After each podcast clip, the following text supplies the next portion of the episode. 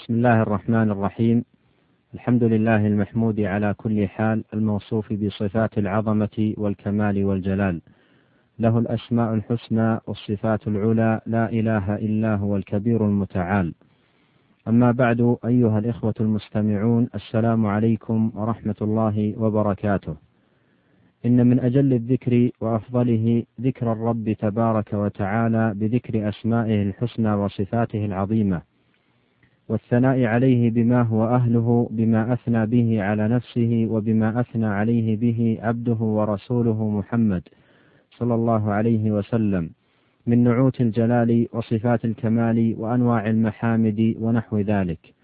إذ أن الذكر أيها الإخوة أيها الإخوة نوعان.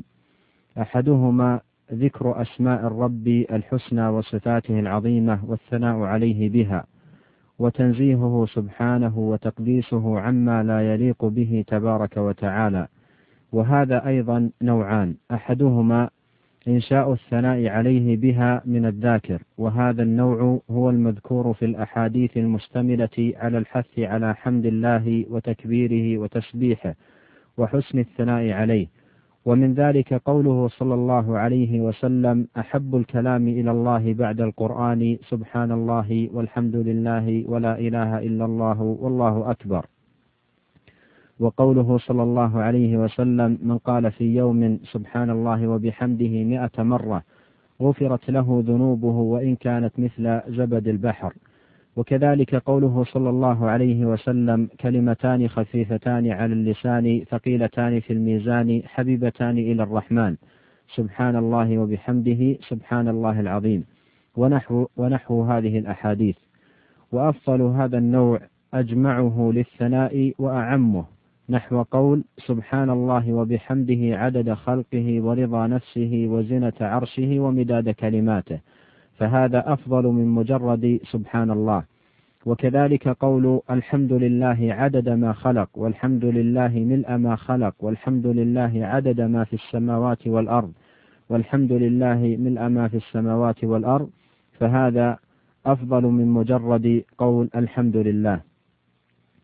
روى مسلم في صحيحه عن جويرية رضي الله عنها أن النبي صلى الله عليه وسلم خرج من عندها بكرة بكرة حين صلى الصبح وهي في مسجدها. أي في مصلاها. ثم رجع بعد أن أضحى وهي جالسة فقال ما زلت على الحال التي فارقتك عليها قالت نعم. قال النبي صلى الله عليه وسلم لقد قلت بعدك أربع كلمات ثلاث مرات لو وزنت بما قلت منذ اليوم لوزنتهن. سبحان الله وبحمده عدد خلقه ورضا نفسه وزنة عرشه ومداد كلماته.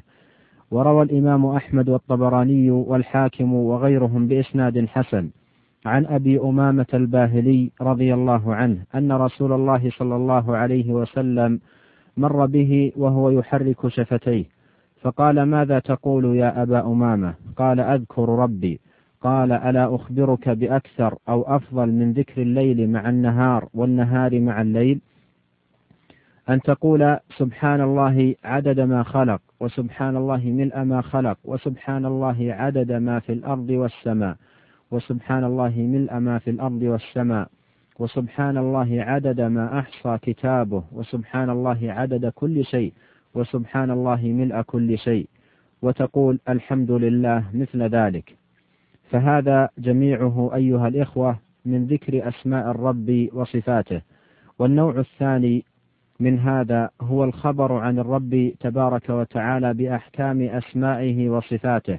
نحو قولك الله عز وجل يسمع صوت عباده ويرى حركاتهم ولا تخفى عليه من أعمالهم خافية وهو أرحم بهم من آبائهم وأمهاتهم وهو على كل شيء قدير وهو أفرح بتوبة عبده من الفاقد راحلته ونحو ذلك من الثناء عليه بما هو أهله مما أثنى به على نفسه وما أثنى به عليه عبده ورسوله محمد صلى الله عليه وسلم من غير تحريف ولا تعطيل ومن غير تشبيه ولا تمثيل.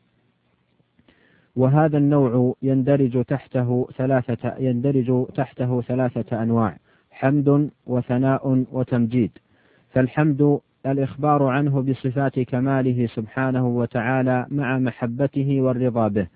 فلا يكون المحب فلا يكون المحب الساكت حامدا ولا المثني بلا محبة حامدا حتى يجمع له المحبة والثناء. فإن كرر المحامد شيئا بعد شيء كانت ثناء. فإن كان المدح بصفات الجلال والعظمة والكبرياء والملك كان مجدا. وقد جمع الله تعالى الأنواع الثلاثة في أول سورة الفاتحة. فإذا قال العبد الحمد لله رب العالمين قال الله حمدني عبدي. وإذا قال الرحمن الرحيم قال الله أثنى علي عبدي. وإذا قال مالك يوم الدين قال الله مجدني عبدي. أيها الإخوة المستمعون إن ما تقدم هو النوع الأول من أنواع الذكر وهو ذكر الرب بذكر أسمائه وصفاته وهو نوعان كما سبق. وسيأتي مزيد تفصيل لهذا النوع من الذكر في حلقات قادمة إن شاء الله. أما النوع الثاني فهو ذكر أمر الرب ونهيه وأحكامه وهو أيضا نوعان. أحدهما ذكره سبحانه بذلك إخبارا عنه بأنه أمر بكذا أو نهى عن كذا أو أحب كذا أو سخط كذا أو رضي كذا.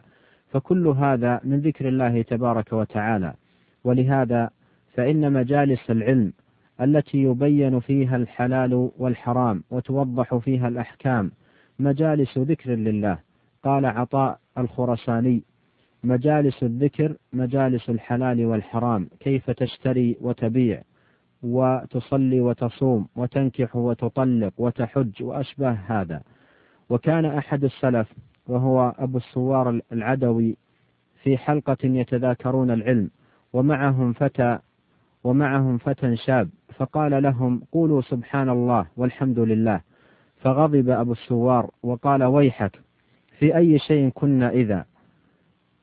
فليست مجالس الذكر مختصة بالمجالس التي يذكر فيها اسم الرب بالتسبيح والتحميد والتكبير ونحو هذا بل هي شاملة للمجالس التي يذكر فيها أمره ونهيه وحلاله وحرامه.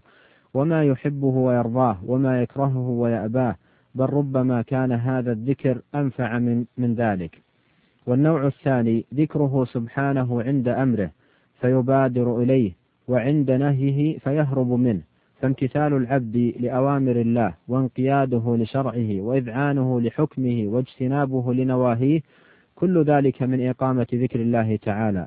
فذكره فذكر أمره ونهيه شيء وذكره عند أمره ونهيه شيء آخر. أيها الإخوة المستمعون لقد أوضح هذه الأقسام المتقدمة للذكر ابن القيم رحمه الله في كتابه الوابل الصيب وذكر أنها إذا اجتمعت للذاكر فذكره أفضل الذكر وأجله وأعظمه. فنسأل الله الكريم بأسمائه الحسنى وصفاته العليا أن يحقق لنا ولكم ذلك. وأن يعيننا وإياكم جميعا على ذكره وشكره وحسن عبادته.